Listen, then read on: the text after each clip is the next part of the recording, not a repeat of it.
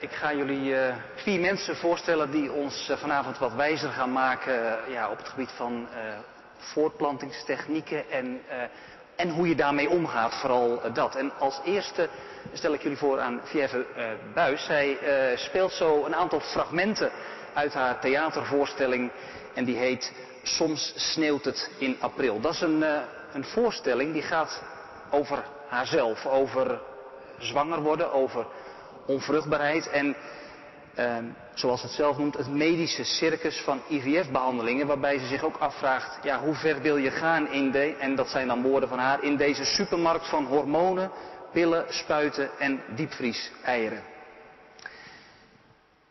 Dat komt straks, want eerst uh, uh, is daar nog iemand anders die er ook wel heel veel van weet. Dat is Femke Mol. Uh, zij uh, is gynaecoloog. Ze zit hier in het midden. Ehm, in het eh, UMC Amsterdam. En zij gaat zo meteen de twee meest voorkomende gesprekken die ze in haar praktijk dagelijks tegenkomt, voert, uh, met ons uh, bespreken. En dan is natuurlijk altijd de vraag, wat is de rol van de overheid, de politiek? Wat regel je met elkaar en hoe regel je het? Waar wil je het en waar kun je het over eens worden? Nou, daar zal uh, ChristenUnie-Kamerlid Carla Dick, zij zit links op de bank, wat meer over vertellen. Maar we beginnen vanavond uh, met professor Annelien Bredenoord. Zij is uh, medisch ethicus hier in Utrecht aan het uh, eh, UMC en sinds 11 juni ook lijsttrekker voor D66 in de Eerste Kamer. Ehm, nou, zij gaat iets vertellen over ja, waar zijn we nu, wat zijn er voor technieken en ook weer, hè, daar ben je ook ethicus voor, wat doe je ermee? Hoe stel je je ja, op ten opzichte van al die nieuwe technieken en wat kunnen we ook verwachten? Mevrouw Bredenoord, dan u het woord. Hartelijk dank en ook hartelijk dank voor de uitnodiging. De opdracht was om langzaam te praten. Daar ben ik echt super slecht in. Dus als het te snel gaat, geef het eventjes aan. Um, en het is goed dat André, ik, ik werk als uh, hoogleraar ethiek van biomedische innovatie hier in Utrecht aan de UU en het UMC. Utrecht, maar het is een goede disclaimer ook altijd om even te zeggen dat ik, ik ben sinds 2015 Eerste Kamerlid en uh, sinds vorige week fractievoorzitter van D66 in de Eerste Kamer. En um, ethiek kan niet neutraal zijn. Hè? Daar zit altijd een, mens- en wereldbeeld zit daaronder. En jullie snappen meteen allemaal dat, uh, uh, dat ik mij als wetenschapper aan de academische spelregels hou. Maar dat ik natuurlijk, als ik ga kijken naar normativiteit, dat ik dat op een bepaalde manier invul. En waarschijnlijk ook anders invul dan, uh, dan mijn collega Carla Dick. Wat ik graag wil doen is eigenlijk heel kort um, iets vertellen naar aanleiding van een lezing die ik vorig jaar heb gegeven. En dat is de, de Els Borst lezing. Die wordt elk jaar georganiseerd door de Gezondheidsraad. En het Centrum voor Ethiek en Gezondheid. En um, vorig jaar heb ik die gehouden over, eigenlijk over wat er op dit moment aan het gebeuren is op het gebied van enerzijds uh, snel ontwikkelende nieuwe voortplantingstechnologie. En anderzijds uh, uh, allerlei nieuwe gezinsvormen. Dus eigenlijk de demografische veranderingen. Als je de krant een beetje bijhoudt, en het maakt helemaal niet uit welke krant je leest, dan, dan, staat er elke week staan er wel spannende koppen over de baby's kweken uit huid. Hoe, hoe ver ga je nou eigenlijk met die kinderwens? De voortplanting gaat radicaal veranderen. Geboren in de babyfabriek. Synthetische embryo's. En dit is echt een, een maar gewoon een selectie van uh, uh, stukken uit de afgelopen anderhalf jaar. Maar ik had, er, ik had er wel 50 of 100 had ik er neer kunnen zetten. Dus ik, ik denk dat iedereen wel ook aanvoelt dat er dingen aan het veranderen zijn. Hè, en dat er snelle technologische ontwikkelingen zijn. Um, en ik vind het enerzijds, dat erken ik, dat er veel gebeurt. Dat vind ik ook als ethicus, uh, het fascineert me. Hè, vandaar dat het ook een van mijn onderzoeksterreinen is. Tegelijkertijd vind ik het ook altijd goed om eventjes te kijken naar, hè, komt dit nou ineens uit het niets? Is het een, een revolutie uit niets ontstaan? Um, dat denk ik eigenlijk niet. Ik denk, als je gaat kijken naar een van de mijlpalen eigenlijk in die voortplantingsgeneeskunde, nou, dat is uh, iets, iets, meer dan 40 jaar geleden. Uh, 1978, dat was de geboorte van de eerste reageerbuisbaby. We zouden nu gewoon zeggen, hè, de IVF, in vitro fertilisatie. De eerste kind, Louise Brown. En wat je toen zag, dat was in Engeland, dat er hè, grote koppen over Superbabe en It's a Girl. Het was echt wereldnieuws. En je zag dat enerzijds waren er heel enthousiaste reacties van eindelijk kunnen mensen uh, die uit zichzelf geen kinderen kunnen krijgen. Bijvoorbeeld omdat de man of dat de vrouw onvruchtbaar is. Femke zal daar straks nog meer over vertellen. Hè, dat het hun nu gegeven is om te kijken of zij samen een biologisch eigen kind kunnen hebben. Anderzijds zag je ook angstige reacties. En waren mensen ook boos. De, de, een collega met wie ik veel werk, John Harris, dat is een filosoof uit Manchester. Die had uh, de twee uitvinders van IVF, uh, Steptoe en Edwards, uitgenodigd destijds in Manchester. Hij zei, was, er waren beveiligers nodig bij de universiteit, omdat mensen boos waren en dachten, wat doen jullie? Jullie maken embryo's in het lab. Dus de, de, de polarisatie en het verschillend denken over dit soort ontwikkelingen, dat is absoluut niet nieuw. Dat was 40 jaar geleden en dat is nog steeds. En hetzelfde geldt eigenlijk voor de discussie over nieuwe familievormen. Wat ik daarmee bedoel is dat de, de, het, het, traditionele gezin, man, vrouw, liefst ook getrouwd, uh, twee kinderen, of misschien wel meer. Um, dat was 60, 70 jaar geleden absoluut de dominante familievorm. Maar het is nu al in de minderheid. Hè. Dus er zijn veel uh, eenoudergezinnen, uh, in nieuwe, nieuwe samenstellingen. Man, man met kind, vrouw, vrouw met kind, ga zo maar door. En hè, dus de, de, ook daarin zie je dat er heel veel veranderd is en ook nog steeds aan het veranderen is. En wat je daar ook vaak hoort hè, is van, nou, maar heeft een kind dan niet een vader en een moeder nodig? Want die nieuwe technieken, hè, die maken het natuurlijk, al die nieuwe familievormen, dat, dat, die maken dat ook mogelijk. Um, nou, de, een van mijn wetenschappelijke heldinnen is Susan Gollenbok. Zij is hoogleraar in Cambridge, psycholoog.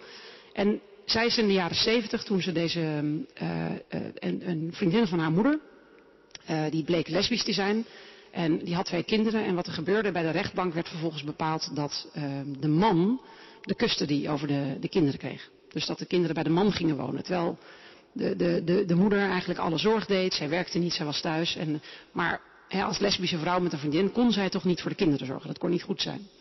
Dus de, en dat maakte zij mee. En toen dacht ze van ja, maar daar moet toch onderzoek naar gedaan worden. Want hoe gaat het eigenlijk met kinderen in andersoortige families? En zij heeft inmiddels heeft zij een, uh, uh, meer dan 30 jaar heeft zij al die gezinnen gevolgd. Heeft ze daar elk jaar weer over gepubliceerd. En nou, de conclusie van dit, dit is eigenlijk haar grote werk, Modern Families, twee jaar geleden uitgebracht. Wat zij hier eigenlijk zegt, door al die jaren heen ziet ze dat de structuur van familie helemaal niks uitmaakt voor de kwaliteit van leven, voor het welzijn van de ouders en de kinderen. Het enige wat uitmaakt zijn de basisingrediënten die we allemaal nodig hebben. Namelijk dat het geborgen is, dat het veilig is, dat mensen respectvol met elkaar omgaan. Dus de, de, um, als er van alles rond gezegd wordt over van nou, wat ga, is dat wel goed voor de uh, welzijn van kinderen, dan verwijs ik altijd naar uh, professor Gollenbok. En ik denk eigenlijk hè, dat op dit moment er eenzelfde soort, dat er een soort convergentie samen uh, gaande is. Dat er Snel, hè, dat je ziet dat demografisch zijn er dingen aan het veranderen. Tegelijkertijd zijn er technologisch dingen aan het veranderen. En dat zou best kunnen dat er de komende 10, 20 jaar het weer in een stroomversnelling raakt. Um, nou, wel, op welke manier dan? Nou, even een, ik laat dit plaatje vaak even zien om even te laten zien waar, waar ik het over heb. Ik heb het dan vooral over de voortplanting in een heel, heel vroeg stadium van het uh, begin van het leven van ons allemaal. We zijn allemaal begonnen als één cel en uh, doorgegroeid tot wie we nu zijn. En nou, ik heb het over een, heel vroegstadig um, embryo. Dat zie je aan de linkerkant. En ik laat het vaak even zien, omdat je op plaatjes over dit soort debatten zie je dan vaak een klein, kleine foetus, hè, die al een klein beetje op een babytje lijkt. Um, dat vind ik zelf altijd wat misleidend, omdat nou, je hebt natuurlijk de, de, de, stadia van ontwikkeling. Dit is met een uh, speldenknop, zo groot als een smeldenknop, dus je kunt het alleen onder het lab zien. Uh, daar kun je, hè, wat de morele status is van een embryo, daar zullen wij ongetwijfeld met z'n allen heel verschillend over denken. Um, maar het is anders dan een baby in een buik bij 30 weken zwangerschap. Ik denk dat iedereen intuïtief ook wel zegt, hè, van als, als daar iets verloren gaat, of dat als je daar een zwangerschap moet afbreken, dat dat in mijn ogen een ander moreel tragedie is dan zo heel vroeg in de ontwikkeling. Dus daar, daar hebben we het over. En als je dus nieuwe technieken zoals embryoselectie, dan wordt er één zo'n celletje wordt er uitgenomen en wordt genetisch onderzocht. Dat is eigenlijk, de, de, vanaf de ontwikkeling van IVF uh, is eerst embryoselectie gekomen. Uh, vervolgens, um, de nieuwste ontwikkeling sinds 2015 is een genetische techniek die heet CRISPR-Cas, dat genome editen. En in plaats van dat een embryo dan nu een celletje eruit genomen wordt, genetisch onderzocht en bijvoorbeeld de embryo's die drager zijn van borstkanker, die worden weggegooid of gebruikt voor onderzoek. Uh, met deze techniek kan het embryo in een vroeg stadium gerepareerd worden. Het kan nu nog helemaal niet veilig, maar in theorie zou dit moeten kunnen. Um, helaas heeft, ik ben zelf ook bij het internationale debat hierbij betrokken. We zijn bezig met, met, met richtlijnen op een internationaal uh, level. Dat is moeilijk, want we hebben natuurlijk niet een internationale regering. Um, helaas heeft een Chinese wetenschapper afgelopen jaar, nou, toch een beetje als een, een solo-actie, um, is al aan de slag gegaan. Er zijn er al twee kinderen geboren die veranderd zijn door middel van deze techniek.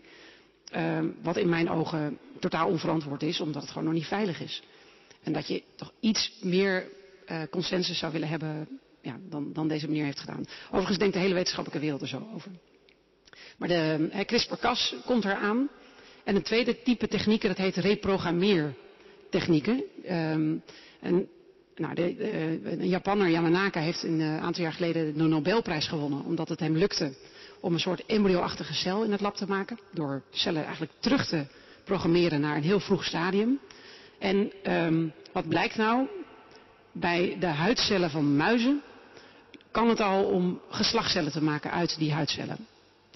Dus om, laten we zeggen, een, een, een uit de staartcel eigenlijk een, de cellen een opdracht te geven met wat, met wat toevoegingen. En dan uh, zijn het eicellen en zaadcellen geworden. Die zijn vervolgens, daar zijn embryo's van gemaakt. Daar zijn muizenpups uitgekomen. En die muizenpups hebben zelf ook weer pups gekregen. En nou, u weet allemaal, hè, als het bij muizen kan, kan het vast ooit ook wel bij mensen. Weet ik niet of we het over vijf jaar of over twintig jaar hebben, maar ik denk dat het goed is dat we er nu dus al met elkaar over, over praten. Hè, van onder welke voorwaarden zou je dit wel willen? Of misschien wil, wil je dat überhaupt niet. Uh, hè, dus van huidcel tot eicel is eigenlijk die nieuwste uh, techniek. En um, ik heb daar zelf een, een, een commentaar met een, in, een, in een vakblad over geschreven met uh, een Amerikaanse collega. Want voor mensen die, net, die onvruchtbaar zijn, of bijvoorbeeld um, een man en een man. Uh, of een vrouw die uh, kanker heeft gehad op jonge leeftijd en daardoor uh, geen eicellen meer heeft, is dit ja, de uitkomst. He, dus je kunt, enerzijds kun je zeggen, fertility for everyone. Het is de, de ultieme democratisering van voortplanting. Want uiteindelijk we, kan iedereen met iedereen zelfs kinderen krijgen. Uh, maar zo simpel is het natuurlijk niet, hè. Uh, oh, ik dacht dat ik er nog een slide bij had, maar de, de, is natuurlijk een hele lange, zelfs als een als progressief bekendstaande ethicus is daar natuurlijk een, een lange lijst met, met ja, ethische en zorgvuldigheidsstappen waar je aan wil voldoen. Ten eerste in het lab, het onderzoek in het lab. dit gebeurt met, met materialen opgeslagen in biobanken. Ik denk dat, dat iedereen hier wel zou willen weten dat dit onderzoek gebeurt met jouw lichaamsmateriaal. Uh, nou, op dit moment hebben we, hebben we eigenlijk geen wetgeving op het gebied van bezeggenschap over lichaamsmateriaal.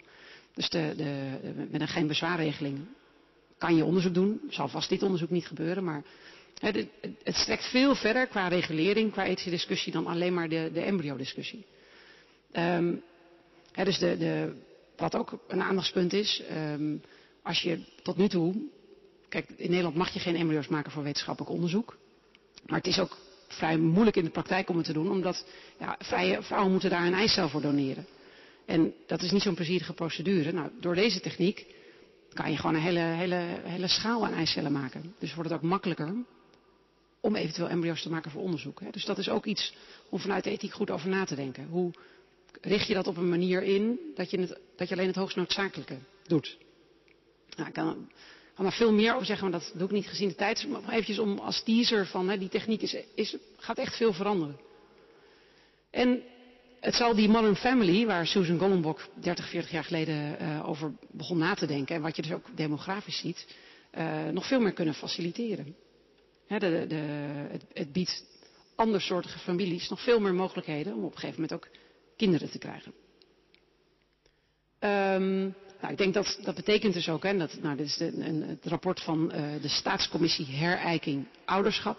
Die heeft vorig jaar een lijvig advies uitgebracht over nou, wat, hoe regel je dat dan als je andersoortige families, bijvoorbeeld een familie waarin er twee moeders zijn en een, eh, en een vader, uh, of twee mannen die door middel van een draagmoeder een kind zouden willen, hè, hoe, regel je dat? Nou, die staatscommissie komt eigenlijk met een, met een uh, hele lijst met voorstellen hoe je dit beter zou kunnen regelen. En daar kan je op twee manieren naar kijken. Ik denk zelf hè, de, de, dat die families er zijn is een fact of life. Demografisch is dit al veranderd. En wat je er ook van vindt, die kinderen zijn er. En dan, in mijn opinie kan je dan maar beter zorgen dat de positie van die kinderen heel goed geregeld is. En dat het duidelijk is, met betrekking tot gezag, erfrecht, noem maar op. Dat het duidelijk is wat de positie is eigenlijk van de mensen om, om het kind heen. Um, deze, dit rapport doet aanbevelingen. Wat mij betreft is het een mooi begin, maar is het alleen maar een begin en moet dat nog veel verder uitgewerkt worden.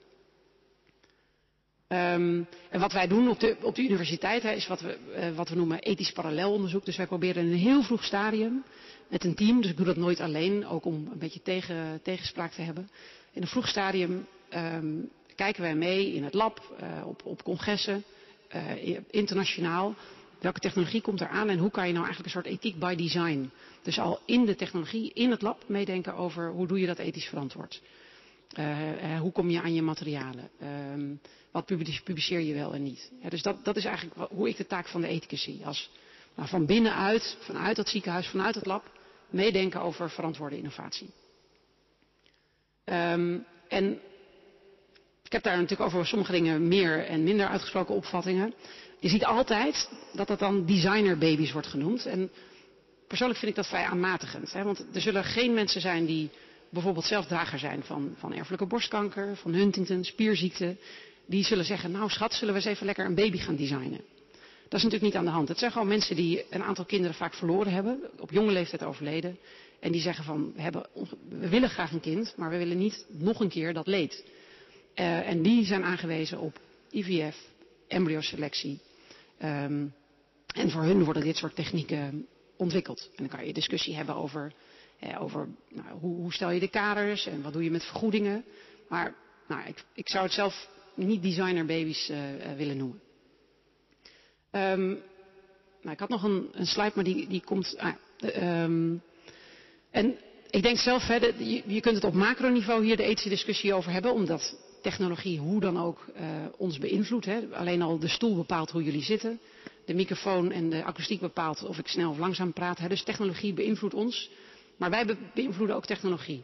Dus het idee hè, dat het een eenrichtingsverkeer is, dat, dat, dat is ook door uh, wetenschapssociologie al lang onderuit gehaald. Dus de, het is eigenlijk een dynamische interactie. En dat betekent dus ook dat wij invloed kunnen hebben op, uh, op de ontwikkeling uh, van die technieken.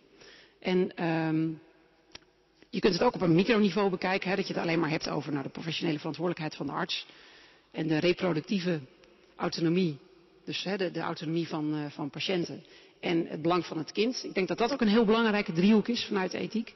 Maar natuurlijk zul je het ook wat breder vanuit de techniekfilosofie uh, moeten bekijken. Ik uh, moest het kort houden, dus ik ga stoppen en het komt vast bij het debat meer aan de orde. Dankjewel.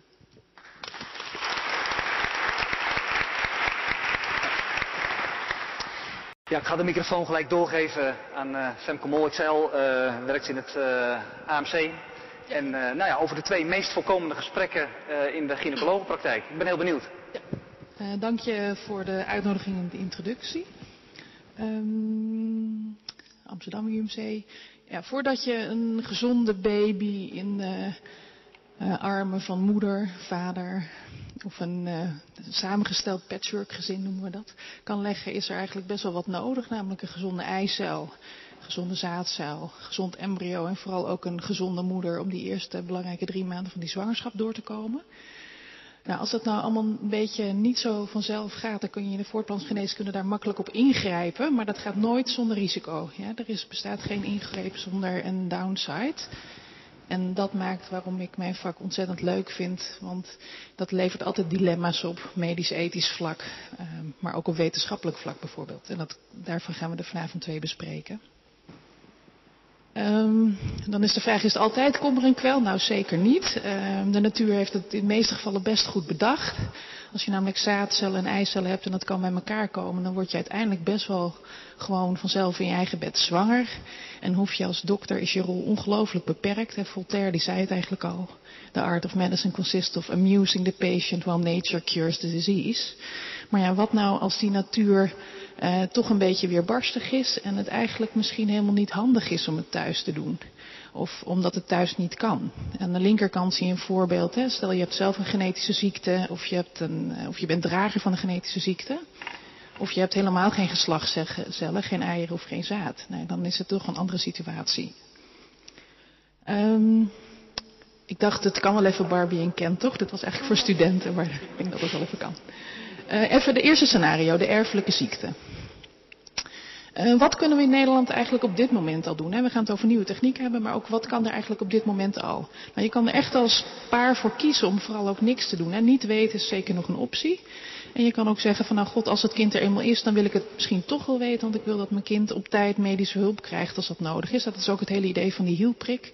Maar je kan dat bijvoorbeeld ook nog eerder doen uit de navelstrengbloed van de baby.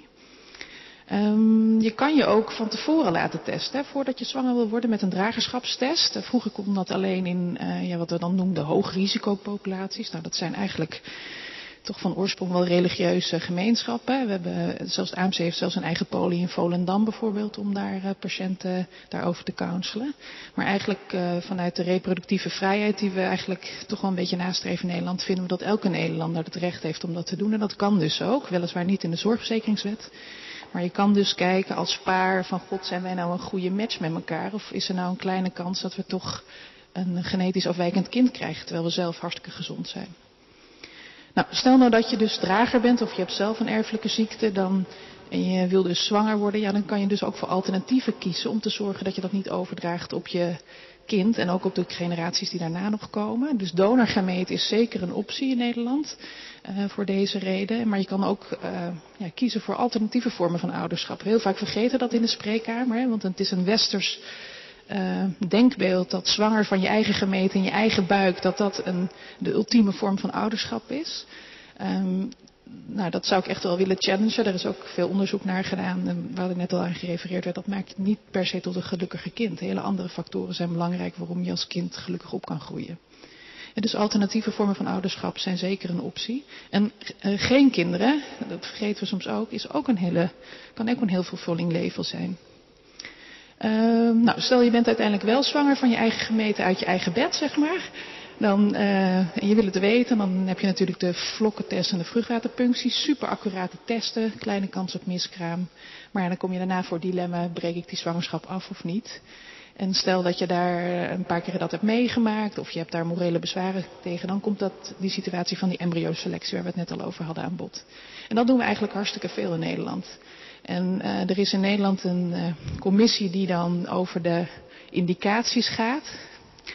Nou, dat is een beetje oldschool vind ik tegenwoordig. Uh, ik vind maar dat is mijn persoonlijke mening, dat, dat, iedereen recht heeft om eventueel die techniek te doen. Of dat uit een basisverzekering moet of niet, dat is even een andere discussie. Maar stel je dat je dat zou willen weten, dan kan dat. Bijvoorbeeld uh, drie jaar geleden is pas de genetische aandoening BRCA1. Dat kennen jullie denk ik wel, van borstkanker. Hè? Dat is heel lang tegengehouden door die commissie en dat is nu wel mogelijk. En dat is op dit moment de belangrijkste reden waarom ouders dit doen. Um, zijn er nou nog uh, vooruitgangen, de nieuwe technieken? Nou ja, die zijn er zeker. Hè. Dat testen in een jonge zwangerschap, dat, ik verwacht dat over vijf of tien jaar dat dat een enorme vlucht neemt. We kunnen dat tegenwoordig niet invasief. Dus al met die nipte uit die bloedtest bij die moeder, er zit fetaal DNA in. En dat kan, mijn verwachting is dat we daar alle genetische afwijkingen binnenkort mee kunnen testen. En eigenlijk ten tijde van je zwangerschapstest al. Dus uh, dan ben je dus twee weken zwanger. Hetzelfde geldt uh, dat je dat met een uitstrijkje kan doen bij de baarmoedermond, weet je, zoals het bevolkingsonderzoek. Er zit ook fetale cel in. Dus dat gaat allemaal steeds vroeger kunnen.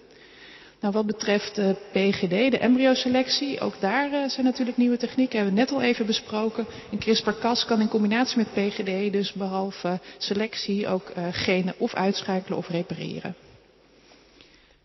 Um, nou, hier nog even, wat is embryoselectie dan eigenlijk? Nou, je krijgt samen een kind in het laboratorium dus en je kiest het embryo zonder de mutatie. Hoe ziet dat er dan uit? Uh, je moet lezen van linksboven naar rechtsonder. Dit is dus een drie dagen oud embryo, acht cellen. Je schiet een gaatje in de in embryowand, dat zie je op plaatje 2. Nou, je moet een beetje goed kijken.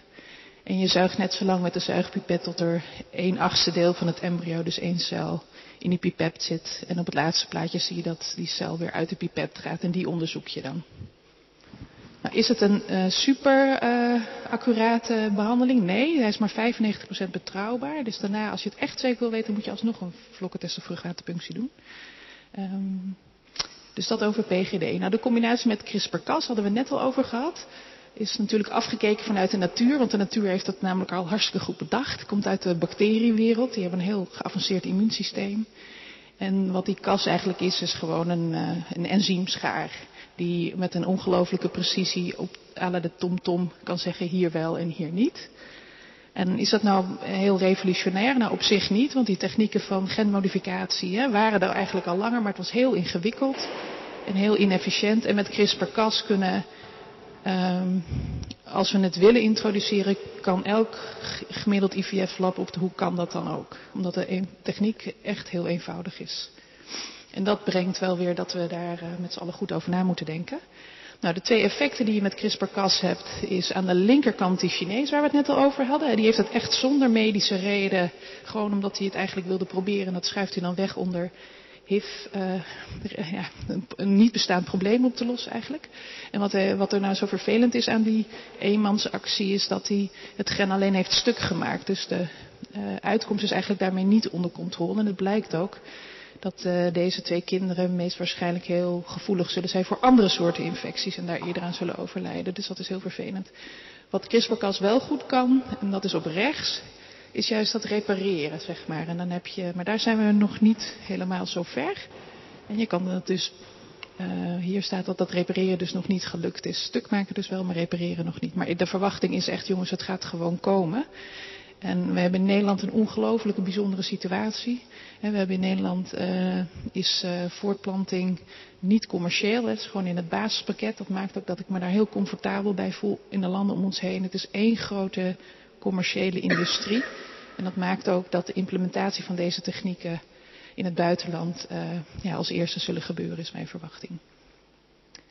Um, deze voert een beetje te ver. Nou, stel dat we dat gen uh, repareren echt goed kunnen. Uh, wat betekent dat nou eigenlijk? Nou, je kan voor de klinische praktijk denk ik bijzonder weinig. ik ken niemand in mijn spreekkamer die, waarbij ik nog geen PGD heb kunnen doen. Snap je? Ik heb eigenlijk alle genetische problemen daarmee op kunnen lossen. Uh, er zal misschien één patiënt per jaar in Nederland zijn die zoveel mutaties heeft en zijn partner ook, want dat is het vervelende. Ze ontmoeten elkaar vaak op polykliniek met allerlei afwijkingen en dan worden ze verliefd op elkaar. Oogheelkunde is heel bekend, want ja, ik weet niet. Ja, dat zijn de, de, paren die het lastig hebben om zich voor te planten. Dus in die gevallen zou CRISPR-Cas nou echt wel heel erg prettig kunnen werken. Ja?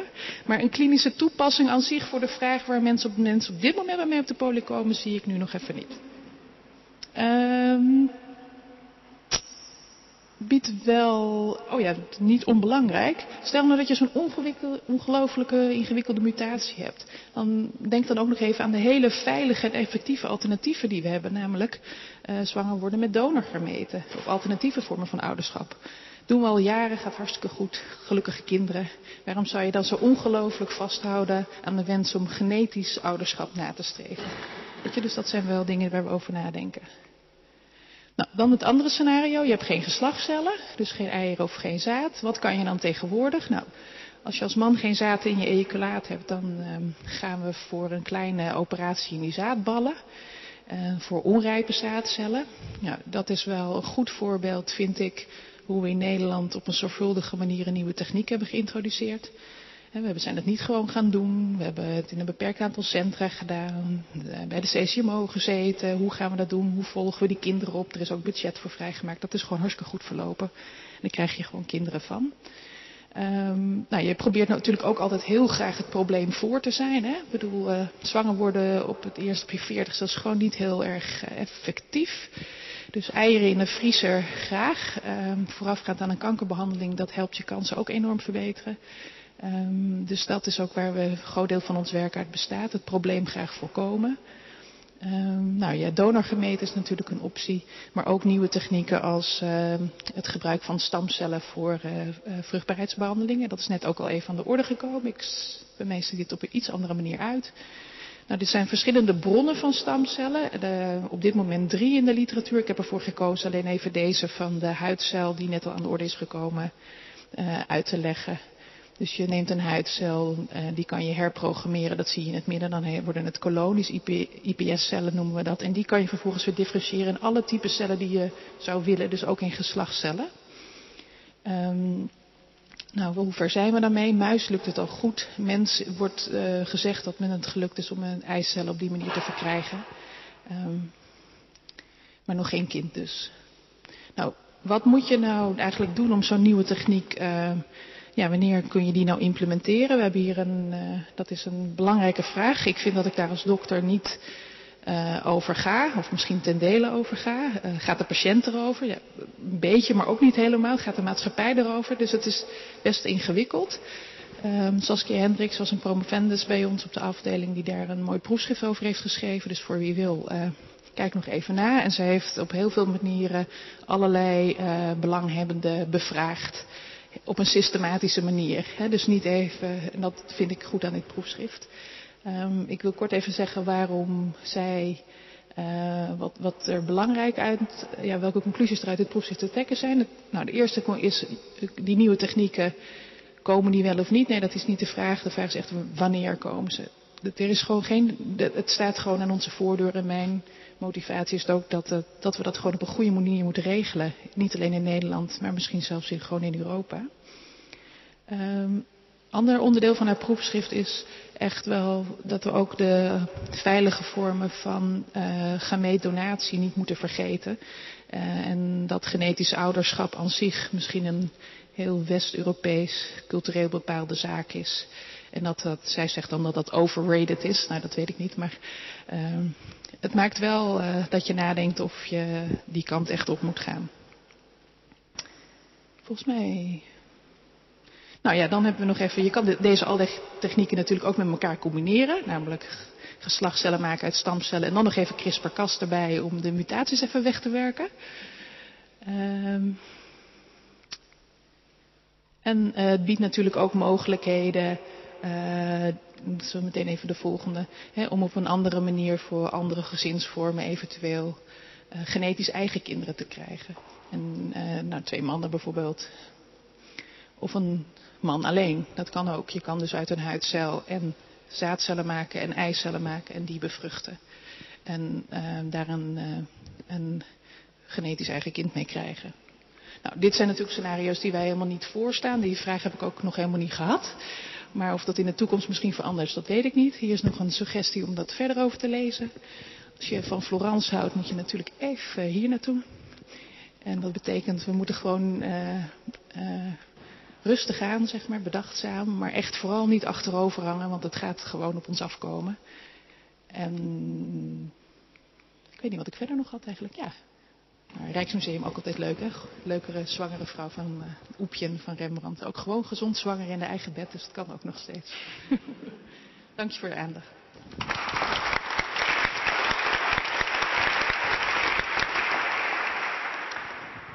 Dankjewel. Ik ga de microfoon aan Carla Dik uh, geven, Tweede Kamerlid uh, voor de ChristenUnie. Dankjewel. Allereerst uh, wil ik uitspreken dat het voor mij echt een grote eer is om hier vanavond een bijdrage te mogen leveren aan het Jacobi-debat. en dat ook over een onderwerp wat eigenlijk gaat over ons allemaal.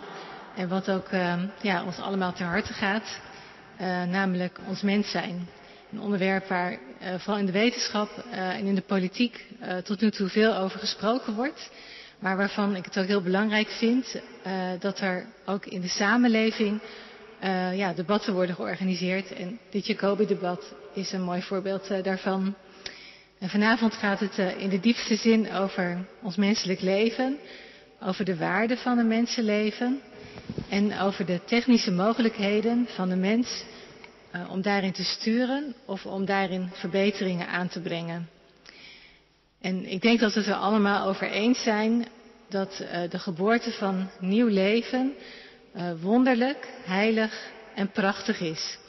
En het is volgens mij ook voor heel veel mensen een diep gevoeld verlangen om kinderen te krijgen en ook die kinderen groot te brengen. En als je kindje dan geboren wordt, is het ook een heel natuurlijke wens dat je kindje gezond is. Ik herken dat ook bij mezelf. Als vriendinnen een kindje krijgen, dan vraag ik, is alles goed met jou en met het kind? De gezondheid is ontzettend belangrijk. Maar de realiteit is soms anders. Ik weet uit eigen ervaring dat het krijgen van kinderen niet vanzelfsprekend is. En ik heb in mijn werk ook veel contact met ouders die een kind met een beperking, vaak ook een forse beperking, grootbrengen. En dat doen zij tegen de stroom van bureaucratie en onbegrip in. En ik merk dat het vaak ook een, die bureaucratie en die onbegrip misschien nog wel een groter probleem is dan de ziekte van het kind zelf, hoe zwaar dat ook kan zijn. Medisch-technologische ontwikkelingen gaan razendsnel. Wetenschappers zijn nieuwsgierig en doen hier ook veel onderzoek naar. En zij zorgen ervoor dat er nieuwe medisch-technologische ontwikkelingen zijn en die brengen de mensheid, ons allemaal, ook heel veel goeds. Zo kunnen uh, heel veel ziekten worden voorkomen. Denk aan ons Rijksvaccinatieprogramma, de inentingen die denk ik de meeste van ons hebben. Uh, ziekten kunnen worden behandeld. Veel verschillende vormen van kanker, waar ook nieuwe medicijnen voor beschikbaar zijn. Of ziekten waren eerst levensbedreigend en zijn dat nu niet meer, zoals HIV. Ook zijn er veel medisch-technologische ontwikkelingen die mensen op weg helpen richting een gezonde zwangerschap en de geboorte van een gezond kindje. En als je ernstige erfelijke aandoeningen in je familie hebt, we hebben het net ook al even over gehad met elkaar, uh, dan is het natuurlijk een hele geruststelling als je jezelf op dragerschap kunt testen. En het screenen van embryo's op levensbedreigende aandoeningen, de PGD, pre-implantatiegenetische diagnostiek, voorkomt dat een zwangerschap moet worden afgebroken. En binnenkort is het mogelijk om al met 13 weken zwangerschap via een echo ernstige afwijkingen op te sporen. En met de NIPT, de niet-invasieve prenatale test, kun je jezelf ervan vergewissen of je kindje bijvoorbeeld Down-syndroom heeft. De NIPT kan nog veel meer, maar dit is denk ik wel de meest bekende. Intussen schrijden de technologische ontwikkelingen voort. Het is nu nog toekomstmuziek, maar we het zojuist al, er wordt onderzoek gedaan naar CRISPR-Cas. Een techniek die het zieke DNA uit de kiembaan van jouw ongeboren kindje knipt, waardoor voor alle volgende generaties een ziekte uitgebannen lijkt. En met het samensmelten van twee eicellen en een zaadcel kun je als vrouw met een erfelijke aandoening toch een gezond kind krijgen. Er wordt ook onderzoek gedaan naar het ontwikkelen van vruchtbaarheidscellen uit een huidcel. Daar hebben we net ook wat over gehoord. Waardoor paarden van gelijk geslacht een genetisch eigen kind kunnen krijgen. En deze nieuwe medisch-technologische ontwikkelingen klinken veelbelovend. En daarom is er ook best een grote roep om die ontwikkelingen uh, ja, aan te moedigen en uiteindelijk ook in ons land toe te staan. De vraag is echter of medische technologie alleen maar een succesverhaal is. Technologie rond zwangerschap en geboorte roept namelijk ook veel ethische dilemma's op. Wat doe je als je hoort dat je partner en jij drager zijn van een ernstige, erfelijke aandoening? Je kunt kiezen voor niet zwanger worden, misschien adoptie, preimplantatie, genetische diagnostiek of de gok nemen. En als je dan zwanger bent, is er dan werkelijk een recht op niet weten.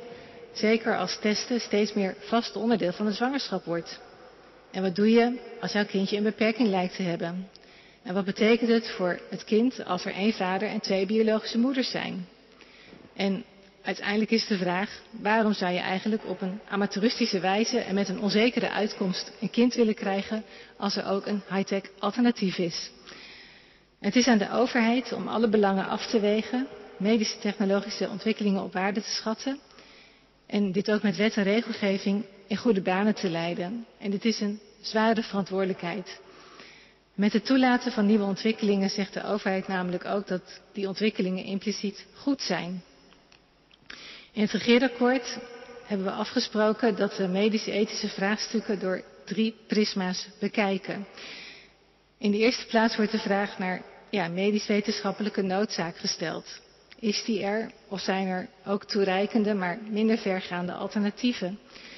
In de tweede plaats is er de vraag naar, medische, naar de medische ethische dimensie. Er is meer dan het belang van vooruitgang medische wetenschap, zoals ethische bezinning bij wetenschappers en zorgprofessionals. En ten derde is er de vraag of er een maatschappelijke discussie heeft plaatsgevonden. En of er sprake is van politieke bezinning. En afhankelijk van het onderwerp kan dan ook nog bijvoorbeeld advies aan de Raad van State worden gevraagd. En eerlijk gezegd vind ik soms de haast van een aantal politieke partijen verontrustend. Volgens mij moeten we eerst kijken naar minder vergaande alternatieven. En zo vindt er bijvoorbeeld onderzoek naar hybride en IPS-chimeren plaats, mens-diercombinaties waar geen menselijke geslachtscellen bij te pas komen. Wetenschappelijk onderzoek, ethische reflectie en maatschappelijk debat zijn onontbeerlijk, evenals het onder ogen zien van dilemma's. En ik denk ook de erkenning dat besluitvorming niet eenvoudig is. En ik vind dat we als christenen daarbij ook naar onszelf moeten kijken. Dan spreek ik even over mijzelf en onze achterban. Maar al te gemakkelijk roepen we nee als er nieuwe technologische ontwikkelingen zijn, zonder dat we goed weten waar we het over hebben en die dilemma's goed in beeld hebben. En als christenen moeten we ons verdiepen en ook meedoen aan het maatschappelijk debat. Als het gaat om nieuwe technologische ontwikkelingen gebruik ik het morele kader uit de ethiek. En dat bestaat uit de volgende vier principes. Weldoen, niet schaden, autonomie en rechtvaardigheid. Ik denk dat de woorden wel voor zichzelf uh, spreken, maar ik wil ze heel kort uh, toelichten. Weldoen, iemands gezondheid en welbevinden uh, bevorderen. Niet schaden, geen handelingen verrichten die schadelijk zijn. Autonomie, dat is respect hebben voor iemands opvattingen en keuzes.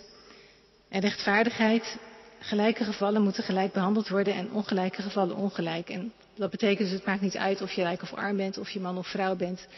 Uh, maar het heeft soms gaan acute situaties wel voor minder acute situaties. En als ik dan bijvoorbeeld de casus neem van het creëren van embryo's voor wetenschappelijk onderzoek, dan vind ik dat best heel ingewikkeld. Eigenlijk ondenkbaar dat embryo's uh, ja, gecreëerd worden voor wetenschappelijk onderzoek om deze daarna weer te vernietigen. Ik kom tot een afronding. De medische technologie plaatst ons voor grote dilemma's. Ze brengt ons heel veel goeds, maar is ook niet zaligmakend. Hoe verdrietig ook, het recht op een kind bestaat niet. En het recht op een gezond en gelukkig leven ook niet. En die waarheid onder ogen zien in een wereld waarin het geloof in de techniek eindeloos is, is misschien wel de grootste uitdaging van onze tijd. Dank jullie wel.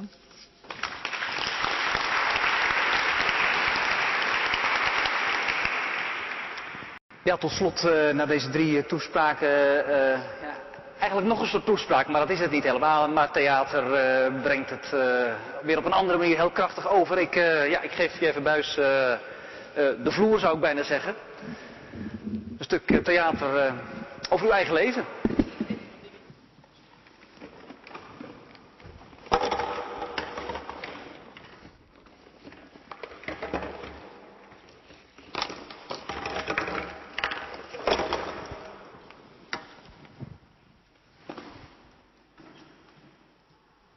En deze potjes? Zit jij mijn kind? Ik heb er alles voor over om jou te laten komen.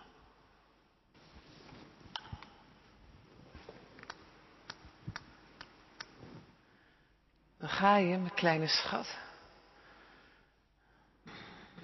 Mijn lichaam in. Welkom in mijn leven. Nou, viel eigenlijk best wel mee. Nog zeven te gaan.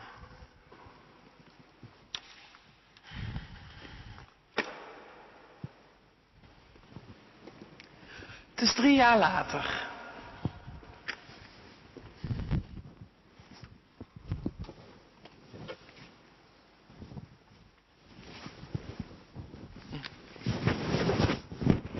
Oh. Goeiedag. Welkom. Fijn dat u gekomen bent. Hm. Tja, het zal moeilijk zijn geweest, maar. Zo. Nou. Tja. Oh. Uh. Hoe gaat het nu met u? Zo, een momentje, momentje.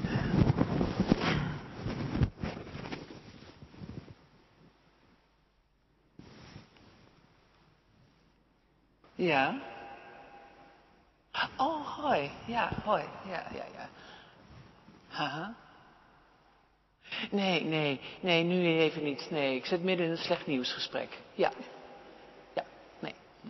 Um. Oh, een paar minuutjes, ja. Oké, okay. ja, tot zo. Ja. Zo. Hmm. Hoe is het met u gegaan de afgelopen tijd? Oh, en niet zo best. Oh, nee. Nou, gelukkig wordt het weer wat beter, hè? Ja. Hm. Hoe denkt u zelf dat u ervoor staat? Oh. Ja, nou, dit is dus voor mij ook niet zo makkelijk. Ja, ja, het is dus even, oh, niet zo eenvoudig. Um, uw eerste IVF. Dat is alweer een tijd geleden. We hebben u daarna twee jaar niet gezien. Nee. We hebben nu poging 2 en 3 achter de rug. Ehm, we hebben uw medisch rapport nog eens nader bekeken en geconcludeerd dat uw kansen op IVF niet heel zijn. Ja. Ja. Nee, we hebben eigenlijk alles gedaan wat op deze manier mogelijk is. Ja, helaas heeft dat niet goed uitgepakt. Ja, nee, daar hebben wij dus ook geen invloed op. Nee, nee. Ja, de semenanalyse van meneer is voldoende. Maar ja, bij u mevrouw, tja, daar ligt het probleem. Ja. Nee, het einde van de mogelijkheden komt nu toch echt in zicht. Ja. Oh, oh, oh u schrikt daarvan. Oh, ja, nee, dat, dat hoeft allemaal niet. U heeft nog een kans. Ja, ja, zeker. Ja, u kunt meedoen met een nieuw experiment, het nieuwe zwanger worden. Ja, waarbij we een combinatie maken van assisted hatching en flushing. Waarbij de behandeling is gericht op een introcytoplasmatische sperma-injectie. Ja, in het buitenland heeft het zijn uh, wonderen al bewezen. En wij zijn er heel trots op dat wij hier als eerste Nederlands ziekenhuis proefsgewijs mee mogen starten. Ja, ja in medisch en ethisch opzicht totaal verantwoord. Mm -hmm. Nou, kijkt u het nog even rustig na in onze flyer en op ons speciale YouTube-kanaal. Ja, nou. En dan de volgende keer, dan, uh, dan wachten we uw antwoord af. Ja. Ja, nee. Ja, ik moet het nu toch echt even. Ja, nee, ik moet het afronden, helaas. Uh, u kunt bij mijn assistent een nieuwe afspraak maken voor volgende week bij mijn collega.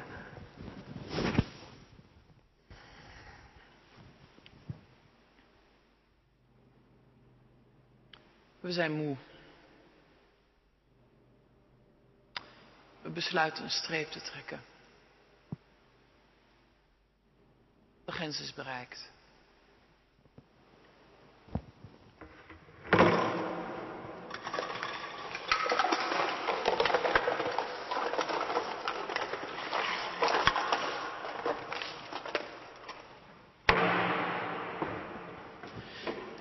Ik zie ze overal. Ik zie overal kinderen. Ik zie kinderen met vaders, met moeders. Ik zie ze op schoolpleinen. Ik zie ze in de wachtkamer. Ik zie ze in de winkels. Ik zie ze op straat. Ik zie ze op winkel, eh, op feestjes, in de gang. Ik zie ze overal. Vliegtuig, vliegveld, in de toiletten, op vakantie, in de bergen, in het museum. Ik wil vrienden spreken.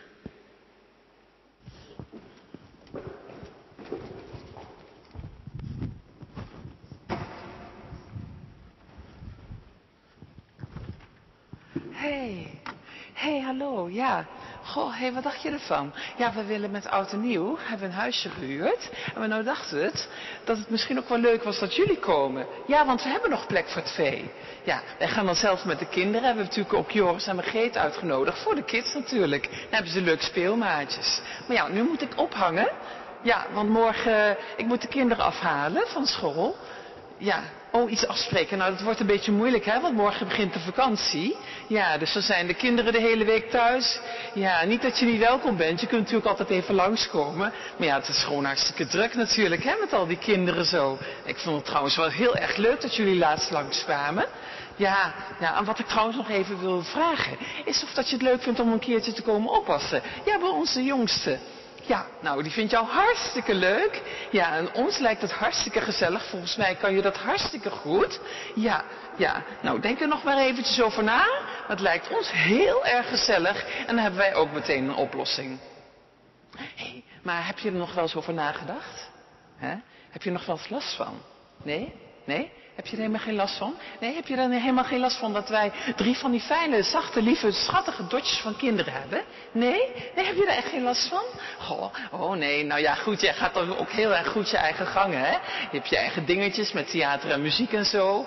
Maar ja, goh, nou de volgende keer als ik jarig ben, dan lijkt het me leuk om dat een keer te vieren zonder de kinderen. Ja, daar ben ik eigenlijk al drie jaar van plan, maar dat lukt iedere keer niet. Nee, ja, nou ja, goed, is, is natuurlijk ook hartstikke leuk die feestjes bij ons. En die kinderen, het gaat allemaal zo lekker vanzelf. Eén groot circus loopt lekker allemaal door elkaar heen. Ja, het gaat allemaal zo goed met, de, kinderen met elkaar. Nou ja, goed, die jongste van Jozien, dus dat, gaat altijd een beetje minder goed. Maar ja, dat is ook wel een heel speciaal kind, hè. Ja, wat dat betreft ben ik zo trots op mijn eigen kinderen. Ja, dat ze zo knap en aantrekkelijk zijn. En ze hebben zoveel kleertjes. Ja, ze zijn zo pinteren bij de hand. En ze hebben heel veel vriendjes. Oh, god, ja, nee. Ja, wat dat betreft, ik ben echt gezegend met die kinderen van ons. Ja, nou ja, je hebt wat tijd, eh, minder tijd om andere dingen te doen. Maar ach, dat heb je ervoor over, hè. Hé, hey, ik heb een camping geboekt, alvast voor de zomer. Ja, dat is een hele leuke camping, want we hebben een heel goed familieprogramma. Ja, ja. Uh, nee, nee, ja, nee, nee, er komen allemaal kinderen. Ja, en, en de ouders uh, uit de wijk. Er komen heel veel mensen uit de wijk. Ja, weet je wel, onze vrienden van de oude participatiecrash. Ja, die gaan allemaal naar diezelfde camping. Hartstikke gezellig. Nou, vind je het ook leuk om mee te gaan? Nee, je hoeft niet per se zelf ook kinderen te hebben om het uh, gezellig te vinden. Nee, leuk toch dat je meegaat? We gaan er even tussenuit. Zo.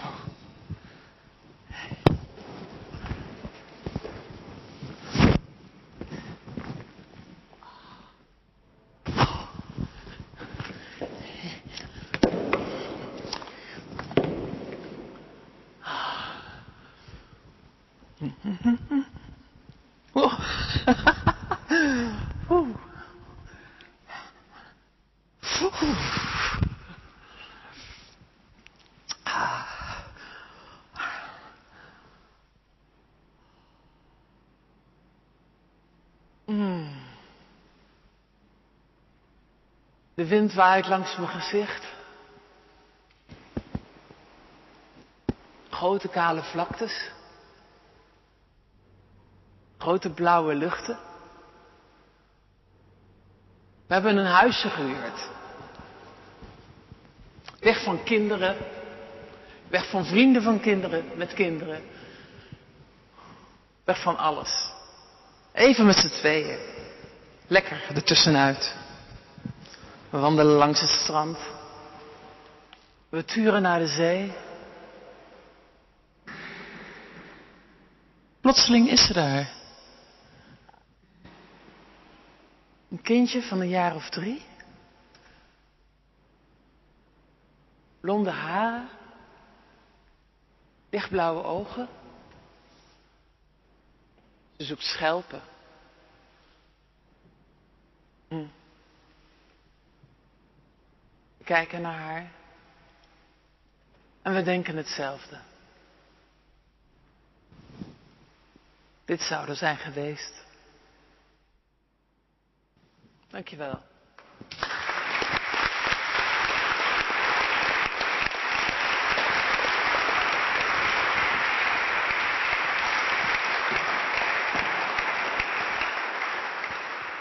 Dit waren fragmenten uit een, uit een voorstelling die heet Soms sneeuwt het in april. Ja. Leg eens uit, waar komt die titel vandaan? Uh, dat komt, uh, het, het, is een scène in het stuk. Ja. Uh, het is gebaseerd op het moment dat ik een buitenbemoeilijke zwangerschap bleek te hebben. En in het ziekenhuis moest het geopereerd worden. En de arts constateerde ook meteen dat ik, uh, ik had al één verkleefde eileider. En de andere eileider was ook verkleefd. En de enige optie voor kinderen was nog IVF. En de volgende dag mocht uit het ziekenhuis weg, naar huis. En mijn leven was in split second eigenlijk omgedraaid van het idee dat ik zwanger was, ik was zogenaamd een week zwanger geweest, maar dat was natuurlijk geen echte zwangerschap. Wist ik veel, maar ik dacht wel echt zwanger te zijn. En binnen een moment, een klein moment, blijkt dat het gewoon allemaal niet zo is. En de dag, dus de volgende dag na die operatie, en met de wetenschap dat IVF nog de enige mogelijkheid was, gingen we naar huis en we staan in de gang van het ziekenhuis. We kijken naar buiten. Het is half april. En het sneeuwt. En ik dacht, uh, dit is de mooiste neerslag, de mooiste weersomstandigheid die je kan hebben. Het is zacht, als een, als een dekentje van troost. Maar het is ook koud. Vanwege het gevoel wat ik binnenin heb. Dus uh, zo ontstond ook de titel van mijn voorstelling. Ja. Dat ik aan dat moment terugdacht. Ja. U treedt in theaters op, maar uh, uh, u wil eigenlijk wel op meer plekken optreden. Waar, waar nog meer? ja, ik heb in 14 theaters opgetreden. En ehm, ik ben 3,5 jaar bezig geweest. Vanaf het eerste moment zal ik hier iets mee gaan doen met dit gegeven. Uh, tot het laatste moment dat ik nu de laatste voorstelling heb gespeeld in theaters. Dus ik wil ook wel weer wat andere dingen gaan doen. Uh, maar ik heb nog steeds wel uh, het decor op zolder staan. En ik zou heel graag ook nog verder in, voor bepaalde doelgroepen, specifieke doelgroepen willen spelen. Zoals gynaecologen, opleidingen voor gynaecologen.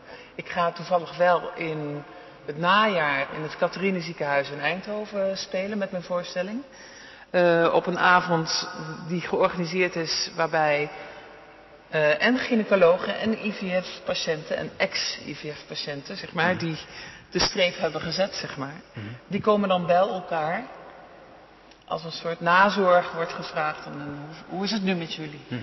En op die avond zal ik mijn voorstelling spelen. Dus de gynaecologen die komen in contact met de IVF-patiënten. En dat is, ja, het is een heel mooi initiatief. En ik denk dat um, er, zijn, gebeurt al heel veel uh, over. Uh, ja, er gebeurt al heel veel in, uh, zeg maar, de, de empathie die getoond wordt door gynaecologen. Dat, dat zijn, ja, daar ben ik echt vast van overtuigd dat het, dat het al betere, veel betere vormen aanneemt. Maar het lijkt mij heel belangrijk om juist die andere kant van, uh, hè, dus, uh, om wie gaat het, uh, om dat ook mee te krijgen. Vooral als je daartoe wordt opgeleid toch, tot gynaecoloog. Of de gynaecologen, of mensen die in zo'n beroepengroep zitten, die daarmee te maken hebben. Ja. Dus da daar zou ik nog graag voor willen spelen. Oké, okay. dank u wel. Ja. Dank, dank u wel. Ja.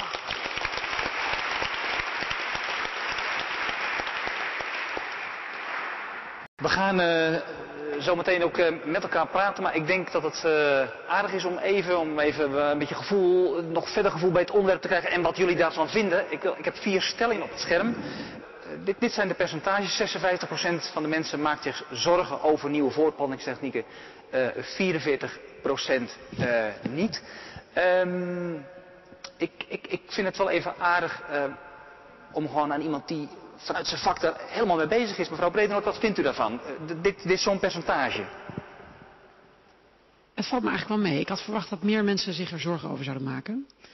Omdat ik weet dat mensen, Jezus, vooral over nieuwe voortplantingstechnieken, um, dat de eerste reactie vaak is dat mensen er een beetje van schrikken. Hm. Dus ik had verwacht dat het uh, wat hoger zou zijn. Ja. ja. ja. Dus ik, ik, vind het wel bemoedigend. Oké. Okay. Um, wie mag ik even de microfoon geven om te zeggen, uh, om te zeggen waarom je er zorgen over hebt? Wie zou daar even wat over kunnen zeggen? Uh, wat voor zorgen dat dan zijn? Kan iemand? Steek eens een hand op. ja, kijk eens. Ja, ik maak me wel zorgen omdat ik nog niet goed weet wat het met generaties gaat doen. Ik zei net tegen mijn buurvrouw, we hebben uh, soorten in de natuur rondlopen met maar anderhalf procent ander DNA. Die noemen we chimpansees en bonobo's. Ik vraag me heel erg af van wanneer uh, stoppen we sapiens te zijn en ontstaat er misschien helemaal een nieuwe soort. Uh, dat zijn best grote gevolgen lijkt me. Ja, het is nog uh, erg onoverzichtelijk wat de gevolgen zijn. Ja, lijkt me wel. Ja. ja. Even iemand anders nog die zegt van ik maak me geen zorgen.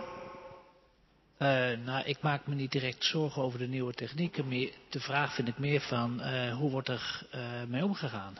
Hoe wordt het toegepast? Met die, met de zorg? Met nieuwe technieken. Oh, met maar de nieuwe, niet ja. de, de technieken aan zich. Denk ik dat zijn mogelijkheden die wij uh, uh, gegeven hebben gekregen, die we met elkaar onder, onderzoeken. Zeg maar. maar ja. hoe gaan we ermee om? Daar zit de vraag voor mij. Vond u wat u hoorde overigens hè, over, uh, van, van mevrouw Mol en mevrouw uh, Bredenoord, uh, hè, over hoe, hoe zij met die techniek werken, vond u in dat, dat in dat opzicht geruststellend? Ik kan, ik kan niet helemaal overzien. Ik, ik, wat ik wel aardig vond is het voorbeeld van uh, internationaal wordt er uh, heel zorgvuldig met elkaar gesproken wanneer je volgende stappen zet. En als iemand daar uh, een eigen weg gaat bewandelen, dat je daar wel met elkaar dus een oordeel over vormt. Dat vind ik wel een stukje zorgvuldigheid die ik kan waarderen, ja. Ja, ja. Ik weet niet meer wie het precies zijn, mevrouw Mol of mevrouw Bredenoord, over die, uh, die, dat in het buitenland dat er zo'n commerciële uh, manier van omgaan is. Uh, dat lijkt me wel heel ingewikkeld om, om iets te regelen met elkaar. Ik zal even de microfoon geven. Um, nou ja, op zich, we hebben ook wel een Europese beroepsvereniging, zeg maar. Maar dat, kijk, ik vind de Nederlandse situatie ongelooflijk veel prettiger. Hè? Kijk, als ik morgen geen IVF meer kan of wil doen, dan um, heb ik nog steeds een inkomen. En dat maakt dat ik me enigszins. Kijk, iedereen heeft een conflict of interest, maar dan, dat, dat maakt wel dat je deze techniek op een andere manier kan implementeren dan denk ik in het buitenland. Ik denk dat in, in het buitenland heel veel klinieken afhankelijk zijn uh, van uh, ja, hoe zorg ik dat ik mijn klanten bij de buren vandaan ja. haal. Ja. Maar maakt die hele commerciële omgeving het uh, niet heel lastig om het zorgvuldig te blijven doen? Want het belang om geld te verdienen kan zo groot zijn. Speelt dat een rol? Uh, ja, ik weet niet, we hebben het mensen nooit systematisch gevraagd, zeg maar. Dus ik vind het heel lastig om collega's op die manier, hè, want het zijn ook mijn collega's, daarover te zeggen. Maar we hebben wel voorbeelden uit het verleden Um, wel wat langer geleden, dat dat wel een rol speelde, ja. ja. En, en daar hebben we ook wel van geleerd. Maar ik denk daarom ook dat het in Nederland juist zo goed mogelijk is. Omdat we wat dat betreft een klein land zijn, maar het op die manier wel goed kunnen organiseren. Ja. En, uh, en ja, het gaat misschien ook goed om te zeggen, we hebben het de hele tijd over technieken. Maar eigenlijk moet het veel meer hebben over indicaties. Hè? Welk probleem gaan we oplossen? En dat kan je namelijk niet los van elkaar zien, want je kan een techniek wel goed vinden. Maar eigenlijk gaat het erom in welke situatie vind je dat die techniek uh, uh, ja, toegepast zou mogen worden. Ja, nou ja, dat was wat meneer ook zei, hè, dat je dus, uh, waar eindigt dit precies? Waar, eh, Ja, nou ik denk, daar zijn we A met z'n allen bij. Hè? En ik Ja. denk dat je... Um, hè, dat, ik denk wel dat we een, voor grote vraagstukken, hè, daar hebben we al een, op zich een, in Nederland een systeem voor. Daar hebben we een gezondheidsraad voor. Dus dan kijk ik even naar links, maar uh, die een aparte commissie hiervoor in zou kunnen stellen. En ik denk ook dat het superbelangrijk is dat je juist met dokters, patiënten, ja, de samenleving eigenlijk hier een debat over voert. Ja, daar beginnen we vandaag goed mee, zou ik zeggen. Ja, ja. maar, uh, dus je kan het niet alleen aan dokters overlaten.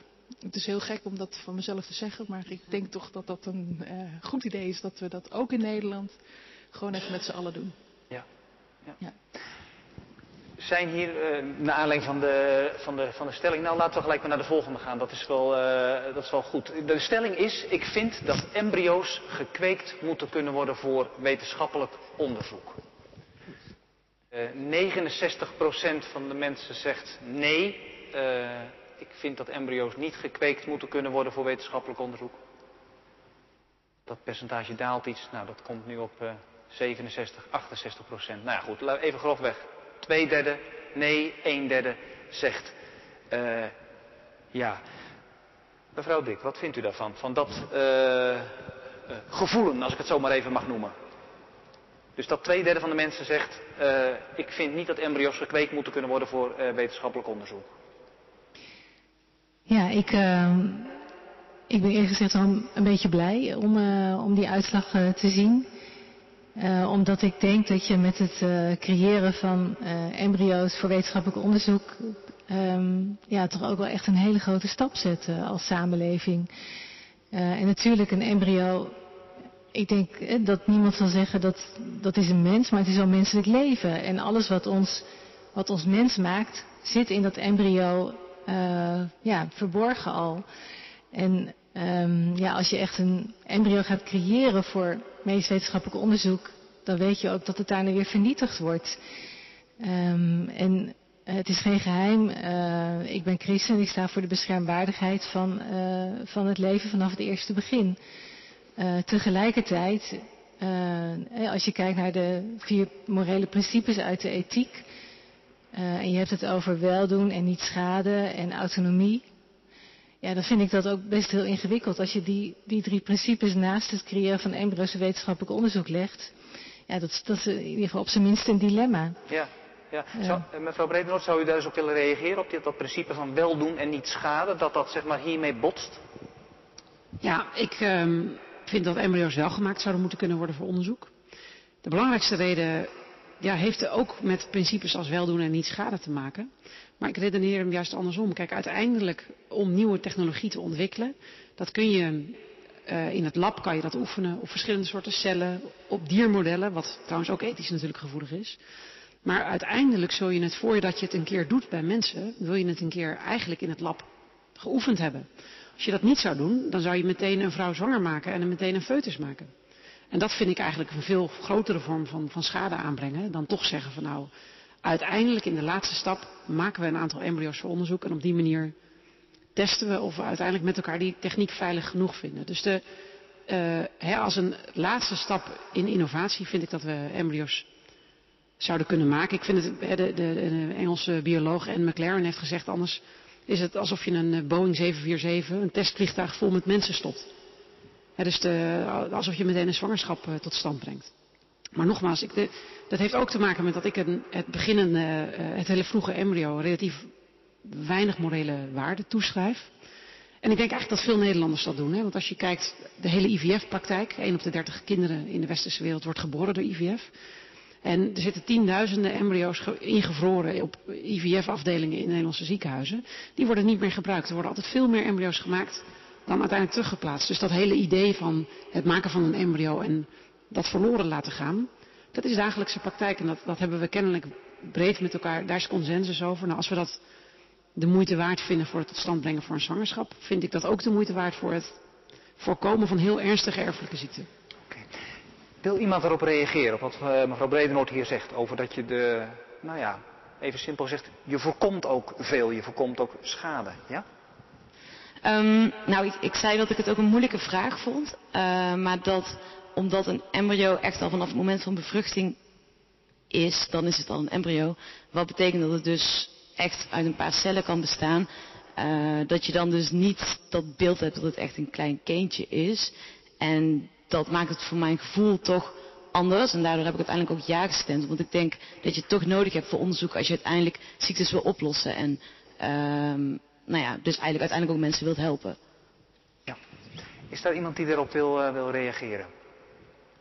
Nou, misschien uh, kan ik nog iets daarover ja. zeggen. Want um, um, ik, ik, hè, we hebben in Nederland een oplossing voor mensen die het heel moeilijk vinden om embryo's zeg maar weg te gooien na afloop van IVF. Dat zit overigens in de basisverzekering. Dat, ik vind dat heel, zelf heel bijzonder. Maar dus, er is dus een mogelijkheid voor mensen die daar morele bezwaren tegen hebben. Dat je dus eerst eicellen oogst. En dan per eicel zeg maar een bevruchting nastreeft en dat plaatst. Hè? Dus die mogelijkheid die bestaat in Nederland uh, wel. Uh, laat niet onverlet dat er inderdaad vriezers zijn met heel veel embryo's bij ons. Uh, die we niet meer gebruiken en die mensen ook kunnen doneren voor wetenschappelijk onderzoek. Het probleem is dat dat embryo's zijn die eigenlijk allemaal te oud zijn. Weet je, als we dit wat, willen doen. Wat is dat? Te, te, oud? Nou, ze zijn allemaal in een, uh, op vier dagen oud. En waar, waar, waar, we juist behoefte aan hebben, is juist onderzoek te doen in juist de beginfase. Snap je wat ik bedoel? Dag 1, 2 en 3. Dus een vier dagen oud embryo, daar heb ik eigenlijk niks meer aan of in, om een wetenschappelijke vraag te beantwoorden. En bijvoorbeeld die CRISPR-Cas-techniek, die, die, dat enzym, dat dien je toe op dag 1 direct na de bevruchting, of ten tijde van de bevruchting eigenlijk. En ik wil dan heel graag controleren of dat enzym gerepareerd is. En dat doe ik op dag drie door er een cel af te halen en dat was het. Snap je? Dus als ik dan een embryo van dag vier krijg van een mevrouw die, een meneer die dat niet meer nodig hebben, ja, dan kan ik niet meer mee aan de slag. Um, er zijn wel omwegen. We proberen nu te denken van, uh, hè, zou je misschien eerst geslachtscellen moeten maken waarbij je um, zorg dat er een automatische dood van een embryo optreedt. Hè. Dat zou technisch gezien zou dat kunnen. Um, hè, dus uh, dat het sowieso een eindig embryo is en op die manier uh, daar onderzoek mee zou kunnen doen. Um, nou ja, dat is wel een hele lastige omweg. Dus het, het is geen sinds onze bedoeling om embryo's te keken langer dan 14 dagen. Dat, dat is helemaal niet de vraag. We willen juist in die eerste drie dagen eigenlijk uh, kijken. En uh, er zijn ook wel bronnen van embryo's, uh, of noem je dat, van eicellen ook voor. Hè? We hebben, er zijn dus vrouwen die ook eicellen in een vriezer hebben, bijvoorbeeld voorafgaand aan een kankerbehandeling, en die dat uiteindelijk niet nodig hebben. En ja, die zeggen dan ook, ja, ik wil graag dat er nog iets mee gebeurt waar we wat aan hebben. Dan wil ik naar de, de volgende stelling toe, en dat is uh, geboorte van voldoende kinderen is uh, belangrijk. Uit demografisch oogpunt zou je kunnen zeggen. Dus de overheid moet voortplantingstechnieken vergoeden. Wat, uh, wat vinden jullie daarvan? Nou, we komen een beetje in de buurt van 60-40. dus 60% van de mensen zegt. nee, dat is, althans niet met dat argument, ga ik er maar even vanuit. Van er moeten voldoende kinderen geboren worden. Uh, in het kader van de bevolkingspyramide. En daarom vergoeden. Nee, zegt 58 procent. Uh, ja, zegt uh, 42 procent. Ehm, mevrouw Dik, is dat eigenlijk een, is dat een criterium? Zo van, ja, er, ja, ik had een collega die zei altijd, ik ben altijd heel blij als er weer een kind geboren is, want dat is voor mijn pensioen ook gewoon heel goed. En dus op die manier keek hij ernaar het moet ergens allemaal van betaald worden. Uh, is dat, dat is een hele plastische manier wellicht, maar goed, zo... Uh... Oh jongens, je moet hier echt alle vragen beantwoorden. um, ja, nou ik vind uh, zeg maar de koppeling die wordt gelegd tussen het geboren worden van kinderen en het belang daarvan en vruchtbaarheidsbehandelingen vind ik wel echt ingewikkeld. Uh, en natuurlijk zie ik ook uh, hè, dat Nederland uh, aan het vergrijzen is en dat er straks een kleiner deel van de beroepsbevolking is, hè, of een kleiner deel van de bevolking is wat werkt, wat wel inderdaad ja, moet betalen voor allerlei voorzieningen. Ik zie die problemen ook. tegelijkertijd wil ik die hele discussie heel graag loskoppelen van de discussie over wat de overheid wel en niet zou moeten vergoeden in het kader van, van voortplanting. Uh, wat ik vaststel is dat de overheid uh, in het basispakket al een aantal uh, ja, IVF-behandelingen eh, heeft opgenomen. Niet meer ongelimiteerd, maar wel eh, een aantal. een criterium daarvoor is altijd dat er een medische noodzaak moet zijn, waardoor ehm, ja, mensen geen, ja, op, niet op eenvoudige wijze een kind kunnen krijgen, waardoor de IVF-behandeling nodig is. de Gezondheidsraad die adviseert ook over de samenstelling van het basispakket. Dus ik denk dat dat, uh, ja, ik denk, ik denk dat, dat, dat goed is. Um, ja, ik, ik kan er nog meer over zeggen, maar ik denk dat, dat dit voldoende is. Um, de overheid, uh, uh, kijk, als er, als er een medisch probleem is bij de voortplanting, dan is er altijd de, de gezondheidsraad die daarover ja, met heel veel deskundigen bij elkaar komt en aan de overheid adviseert. Uh, en uiteindelijk debatteert de Tweede Kamer daarover en neemt dan een besluit of iets wel of niet uh, vergoed wordt. Maar uh, ja, het gebeurt niet heel vaak dat adviezen van de Gezondheidsraad terzijde worden geschoven. In principe zijn die wel gezaghebbend en worden die ook wel gevolgd. Ja. Um, we gaan naar de laatste stelling toe en dat is als ik ziekte bij mijn kind kan voorkomen met nieuwe technieken, dan doe ik dat. Dus als ik ziekte bij mijn kind kan voorkomen met nieuwe technieken, dan doe ik dat. Nou, ik krijg weer een klein beetje het beeld van twee derde zegt ja, uh, ik zal die technieken dan gebruiken. Een derde zegt, uh, zegt niet. Um, mag ik van iemand horen uh, waarom niet? Want we hebben het ook net even gehad over ja, schade, voor, schade voorkomen. maar waarom, wie wil zeggen waarom hij of zij dat niet wil? Nou, ik had het allerliefste knop weet ik niet uh, willen invullen. Maar wat voor mij meespeelt is dat met CRISPR-Cas de belofte ook gedaan wordt dat het uh, in eventuele nakomelingen van dat kind uh, die verandering ook doorgegeven wordt. En er werd net gezegd dat nou, je embryo's nodig hebt voor wetenschappelijk doeleinde om te kijken of het werkt. Maar dat bij mij dan ook de vraag oproept, maar hoe, hoe monitor je dan wat het effect is in eventuele nakomelingen? Ja. Um, en daarbij dus ook um, hoe ver ga je met welke aandoeningen en hoe bepaal je dan aandoeningen. En ook uh, nog de vraag, um, je gaat al iets veranderen bij iets wat nog geen aandoening heeft. Dus het is ook toch ook voor mij statistisch dat er een kans is op en hoe ver ga je dan met ingrijpen met de kans op. Dus voor mij, ja, bij voorkeur de, de knop weet ik niet, maar daardoor nu naar de neiging nee. Ja. Mevrouw wat, zou u zeggen uh, als antwoord op de, op, de, op de vragen die hier worden opgeworpen? Um, nou, specifiek wat lastig is in deze stelling is dat hoe ik hem interpreteer is um, ziekte bij mijn bestaande kind. En dan is het voor mij een no-brainer. Ik, heb een, een, een, een, zoontje van acht maanden. Nou, ik zou heel ver gaan om te zorgen dat hij gezond of volwassen leeftijd kan, uh, kan bereiken. Maar ik denk dat met de stelling vooral bedoeld is dus inderdaad de, het toekomstig kind dan wel uh, het al bestaande embryo in het lab. Kijk, mijn houding is hier altijd geweest dat als mensen zelf, want meestal dan gaat het eigenlijk altijd om erfelijke aandoeningen. Dat betekent dat in veel gevallen mensen, de, de toekomstige ouders, zelf uh, uh, ervaring hebben met het hebben van die ziekte of handicap. Mijn standpunt is dat als zij dat als een serieuze beperking in hun leven ervaren en bereid zijn om toch door de vervelende IVF-cycli te gaan, uh, met veel onzekerheid, omdat ze zeggen dat wil ik mijn kind niet aandoen, dat wil ik voorkomen, dan vind ik dat volledig bij hun liggen. Uh, en ze kunnen ook kiezen om, om, om iets anders te doen, eiceldonatie, zaaddonatie. Het is ook goed om te beseffen dat zowel de eicellen als zaad in de Nederlandse eicelbanken en zaadbanken is zeer beperkt. De wachtlijsten, waar ik werk, het UMC Utrecht, hebben een, uh, een wachtlijst, die, nou, die is inmiddels wel zes jaar. Dus dat betekent dat het eigenlijk helemaal geen optie is uh, voor mensen met eicellen. Hè. Dus zaad kan je dan nog bestellen in Denemarken, online. Dus de, ja, voor, ik, vind het een, ik snap heel goed dat. Uh, ik, ik, vind dit echt een, een, persoonlijke beslissing aan mensen zelf. Van hoe ver wil je, wil je daarin gaan. En het klopt, je geeft het door uh, en, en eventueel aan het nageslacht. Maar goed, daar, daar kun je. Technologisch gezien, dat gaat natuurlijk zo hard dat als je bij dit embryo iets kan veranderen, dan kan je dat natuurlijk in, over 30 jaar al helemaal op een veel betere manier. Dus dat zou mij niet weerhouden van het gebruiken van, van de techniek.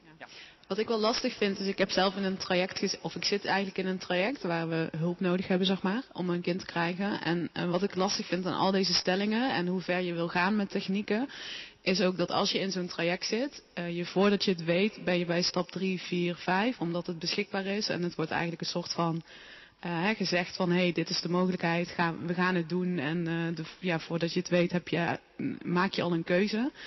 Um, waarbij ik het heel lastig vind. Ik heb daar zelf heel erg mee geworsteld. Van hoe ver wil je gaan? En dat is natuurlijk een persoonlijke afweging. Alleen het is erg moeilijk op het moment als alles beschikbaar is. En we met de technieken zo ver gaan. Dat we daar eigenlijk blijkbaar dus geen rem in zetten. En geen keuze in maken. Um, en dan nog bij je eigen waarde te blijven. Uh, en dat vind ik eigenlijk bij al deze stellingen het lastigste. En ook wel uh, voor mij, wat mij betreft, uh, iets wat waar veel meer op gefocust mag worden in zo'n traject. Als je ook in zo'n traject ja, stapt of gaat of je, je valt er eigenlijk in, heb ik het idee. Um, omdat dat volgens mij ook heel belangrijk is. Want je kan wel zeggen, de gezondheidsraad bepaalt wat de ethiek is. Maar ja, ik denk dat je zelf ook um, ja, die waarden moet vastzien te houden. Anders maak je misschien keuzes uh, die niet logisch zijn. Of ja, nou ja. Mevrouw Mol, en misschien wel eigenlijk, ik ben wel even benieuwd, want dat speelt zich dan een beetje af in het traject waar, uh, kijk, mensen, mensen komen bij u en die gaan dan een, een traject door. En dus even de vraag van, uh, ja, zit je niet heel snel in een soort rollercoaster waar je, ja, waar momenten van afweging, ja, ik, ik, ik, u weet hoe dat gaat, wat, wat wij net horen. Nou, we hebben daar wel eerder onderzoek naar gedaan. Um, en, hè, wat je vertelt is, komt bekend voor. Hè. Je komt elke keer weer voor een nieuwe situatie te staan. Um, wat er weer andere afwegingen geeft. Het omgekeerde is ook het geval. Is dat, uh, dat patiënten soms juist uh, afhaken om een reden waarvan we zeggen van hé hey jongens, we willen juist aan boord houden, want we vinden het juist nog zo kansrijk. En weet je, dus, het, dus het, dat iedereen maar zomaar uh, doorrolt automatisch zonder handrem in die meest geavanceerde techniek, dat is eigenlijk niet, mijn, niet ons uh, wat we vinden. Dus uh, daar, de meeste mensen die, die hebben de geavanceerdheid van een behandeling vinden de meeste paren helemaal niet het belangrijkste natuurlijkheid wordt je eigenlijk heel belangrijk gevonden. Of het oplossen van de ziekte. Hè? Want voortplantsgeneeskunde is eigenlijk helemaal geen geneeskunde. Hè? We genezen helemaal niks. Het is gewoon symptoombehandeling. Het feit dat ik een, eicel in een zaadcelstof maakt niet dat die man ineens daarna beter zaad heeft. Voor een tweede kind moeten ze weer bij mij komen. Dus dat heeft helemaal niks met iets genezen te maken. En ik merk dat heel veel paren die aspecten van de behandeling, natuurlijkheid en de mogelijkheid om iets te genezen, dat ze dat hele belangrijke aspecten vinden. Terwijl ik als dokter denk alleen nog maar in termen van effectiviteit en veiligheid. Oh ja, kun je nog een beetje bijwerkingen graag. Weet je, hoeveel injecties moet je zetten? Ja. Maar wat paren dus belangrijk vinden, verschilt dus uh, behoorlijk met wat de medische beroepsgroep vindt. Ja. Mevrouw Bredenoord, u wilt er nog wat zeggen? Ja. Ja, fijn dat je dat wilt, wilt delen inderdaad. En uh, wij weten vanuit de ethiek ook hè, dat, dat technieken een bepaald script met zich meebrengen. Hè, dat, uh, zoals eigenlijk een theaterstuk een script heeft, heeft ook een bepaalde techniek, heeft een soort natuurlijke gang van zaken. En ik denk dus dat uiteindelijk het gezondheidsraad of ethici kunnen zeggen, die te techniek is ethisch verantwoord. Maar de, het morele gehalte van de praktijk hangt natuurlijk uiteindelijk ook af van de kwaliteit van de counseling en het gesprek wat uiteindelijk gebeurt tussen, tussen jou en, en de gynaecoloog. En uh, een van de redenen dat alle Nederlandse artsen uh, twee maanden ethiek maar liefst in hun, in hun geneeskundeopleiding krijgen. Dus in die zin worden, worden, ze flink door de wasstraat gehaald. wat we wel weten, want er wordt over technologie vaak gezegd dat het een, ook het technologisch imperatief, dus dan als het er is moet je het wel gebruiken. Van de NIPT bijvoorbeeld, de niet-invasieve prenatale test, gebruiken in Nederland slechts de helft van de zwangere vrouwen doet die test. Het is ook de, de, de angst van, nou ja, als hij er helemaal is, dan moet je hem gebruiken. En dan, dan zijn de kinderen met syndroom van Down het leven niet meer zeker. Chargeer een beetje. Daar geloof ik helemaal niet in. Ik, ik geloof dat mensen echt uh, hier uiteindelijk wel verantwoorde besluiten over kunnen nemen. En voor mij is juist het bewijs dat een deel van de mensen het wel doet, een deel niet, is dat het goed werkt. Dus dat er vrijheid is om te beslissen wat er bij je past. Ik heb eigenlijk een vraag voor zowel, ik ben benieuwd wat zowel Annelien als Carla uh, hiervan vinden. Uh, kijk, ik denk dat er een heel veel, heel veel aantal ziekten zijn waarbij we vrij makkelijk zullen zeggen, daar willen we graag deze technieken voor gebruiken. Maar er is een enorme schaal in. Wat zien jullie als de rol van de overheid daarin om te reguleren in wat voor aandoeningen eventueel wel en wat voor aandoeningen je dit niet voor zou kunnen uh, gebruiken? Als ik mag beginnen, even één ding corrigeren. Ik zei net, de Gezondheidsraad adviseert over het basispakket. Dat is het Zorginstituut. Enorme blunder. Bij deze rechtgezet. Um, als het gaat over de, over de aandoeningen uh, uh, waar bijvoorbeeld met preimplantatiegenetische diagnostiek uh, ja, naar gekeken wordt. Um, ja, zeg maar over de toelating van de techniek, daar beslist de overheid over, preimplantatiegenetische diagnostiek. En als het gaat om de aandoeningen waarop getest wordt, uh, dan ja, wordt wel heel erg naar de beroepsgroep gekeken.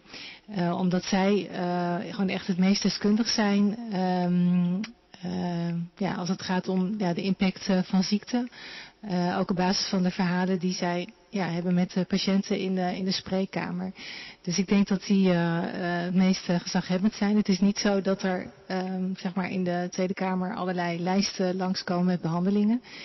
Um, dit kabinet, waar wij nu ook deel van uitmaken, heeft wel ook het besluit genomen om bij bepaalde erfelijke aandoeningen, waar ook geslachtsincidentie een rol speelt, hè, dus of jongetjes of meisjes hebben de ziekte, dat dan ook ja, die selectie mogelijk is. Dus dat, ja, dat is wel een stap die dit kabinet gezet heeft. maar volgens mij bij de toepassing van PGD is ja, toen dat werd geïntroduceerd, was het volgens mij niet zo, maar goed, dat was ook voor mijn tijd, dat er lijsten langskwamen. Als je mij vraagt naar de toekomst toe, hoe gaat het dan? Dat vind ik een hele spannende vraag. En misschien ook wel meer voor, voor filosofen. Um, omdat ja, we ook naar onszelf moeten kijken als mensheid. Als een techniek eenmaal beschikbaar is, is de vraag...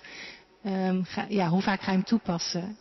en ik geloof ook wel in een bepaalde terughoudendheid die mensen hierin ja, in acht nemen. Tegelijkertijd, ja, de verleiding is gewoon heel erg groot. En mijn vraag is echt wel of we die verleiding kunnen weerstaan. Dat weet ik niet goed. Um, nou, ik ben eigenlijk met een heel groot deel van, van dit antwoord, kan ik me vinden. We zitten ook trouwens in één kabinet, hè. Dat, wie zou dat geloven, maar het is echt zo. En um, ik denk dat de overheid hier een, een puur kaderstellende rol heeft. Uh, zoals met embryoselectie nu hè, is, er een, uh, is er een besluit PGD en daar staat dat bij een hoog risico op ernstige schade zouden stellen in aanmerking komen voor PGD. En ik denk dat het belangrijk is dat de, dat de overheid door middel van wetgeving algemene uitspraken doet eigenlijk over indicaties en vooral kwaliteitseisen. Ik zou wel zelf willen dat uh, uh, in de spreekkamer de interpretatie van wat bedoel je nou met ernstig uh, en hoog risico. Ik vind dat dat nu iets te streng is. Um, want wat ik een, een groot risico vind, vind jij misschien helemaal niet. Ik zou bijvoorbeeld zelf nooit risicovol op gletsjers gaan skiën. Dat vind ik doodeng. En dat vinden andere mensen geen groot risico. En ik vind het risico heel persoonlijk. En ik zou eigenlijk gewoon willen dat de overheid zegt van nou, de, de, uh, we trekken heel brede grenzen en we doen uitspraken over vergoedingen. En natuurlijk moeten klinieken moeten vergunningen hebben om aan kwaliteitseisen te voldoen. Maar verder is het gewoon lekker aan arts en patiënt om samen te bekijken hoe ze dit zien. Tot slot het woord nog even aan even Buis geven. Hoe luistert u, u hiernaar, naar dit gesprek, naar wat er langskomt? Uh, ja. um, um, ik zat hier ook zelf uh, aan die vraag te denken. Wat vind ik hier nou allemaal van? Um, um, ik denk zelf, wat ik zelf heb meegemaakt, is dat ik, maar dat is natuurlijk een heel klein spectrum, uh, mensen die IVF gingen doen en maar niet konden ophouden met een nieuwe poging. Ze, ze wilden een achtste keer, een negende keer. Omdat ze niet onder ogen wilden of durven zien dat het misschien wel eens niet gaat lukken. En dat je misschien wel eens een punt moet gaan zetten en moet gaan rouwen en onder ogen moet komen dat het, ja, dat je leven er anders uit gaat zien. En die angst, die leidt vaak ook tot, oké, laten we het dan nog maar een keer doen. Want stel je voor dat het, dat het gewoon niks oplevert. En er vinden natuurlijk ook duizenden gesprekken plaats in kamers, uh, in spreekkamers, waar ik gewoon ook niet mee te maken had. Als het gaat om uh, hoe ver ga je in, in, de, hè, in het voor-voor-voor-stadium om uh, een kind te creëren dat uh, geen ziektes heeft. Uh, dan ben ik het aan de ene kant inderdaad, denk ik van, ja, als je als ouder weet van, goh, ik heb zelf die ziekte. en ik, ik wil het mijn kind niet aandoen dat hij dat ook krijgt, want ik weet wat voor leven je dan hebt. Ik kan me daar zeker wel iets bij voorstellen. En ik vind het ook goed als er onderzoek gedaan wordt, zeker. Aan de andere kant uh, heb ik zelf persoonlijk, uh, ken ik een, een, een, een, vrouw die een kind met syndroom van Down heeft. En zij is heel huiverig voor dit soort ontwikkelingen. Omdat zij houdt zielsveel van dat kind. Vindt het een kind wat recht heeft van bestaan. En ze zegt zelf, stel dat je een toekomst ingaat waarbij dit steeds meer nou ja, gaat gebeuren. Dat, uh, dat het vooraf al die keuzemogelijkheid er is van, hé, uh, hey, uh, dit, wil je hier iets aan laten doen? Uh, wil je dit laten onderzoeken of niet? Ze heeft zoiets van, ja, ehm, in hoeverre gaat het mensen die ervoor kiezen om zo'n kind wel te krijgen, in hoeverre gaat het hun kwalijk genomen worden dat zij ervoor hebben gekozen? En dat zij daarmee ook kosten hebben, medische kosten. Uh, voor, uh, zeg maar, uh, ja, je dat, rugzakjes en ik wat. je wist het toch, dus waarom heb je daarvoor gekozen? Dat is heel, dat is echt zo'n heel zwart-wit mening. Maar ik weet ook niet wat voor kant het dan opgaat tussen mensen onderling in de maatschappij. Van goh, hé, hey, in hoeverre uh, had dat kind er wel of niet moeten zijn of zo. En, uh, en dat staat eigenlijk, dat is gewoon een soort gedachtegang die ik dan heb. Maar die staat voor mij ook toch weer los van dat ik vind dat er gewoon goed onderzoek mogelijk moet zijn. Dus, uh, nou, een beetje dubbel ook. Mooi. Ik denk dat dat wel een beetje bij het onderwerp past om er ook zo mee te eindigen. Dus ik ja. uh, dank u wel. Ik ga het woord aan Marlies Kunst geven. Dankjewel. Nou, allereerst wil ik jullie heel hartelijk bedanken voor jullie uh, komst hier in deze Jacobikerk. Um, Hartelijk dank aan Annelien Bredenoord, Femke Mol, Carla Dik en Fiève Buis uh, voor jouw uh, intermezzo. Um, en natuurlijk een hartelijk dank aan André Zwartboel voor het leiden van dit debat. mag ik nogmaals een hartelijk applaus voor deze mensen.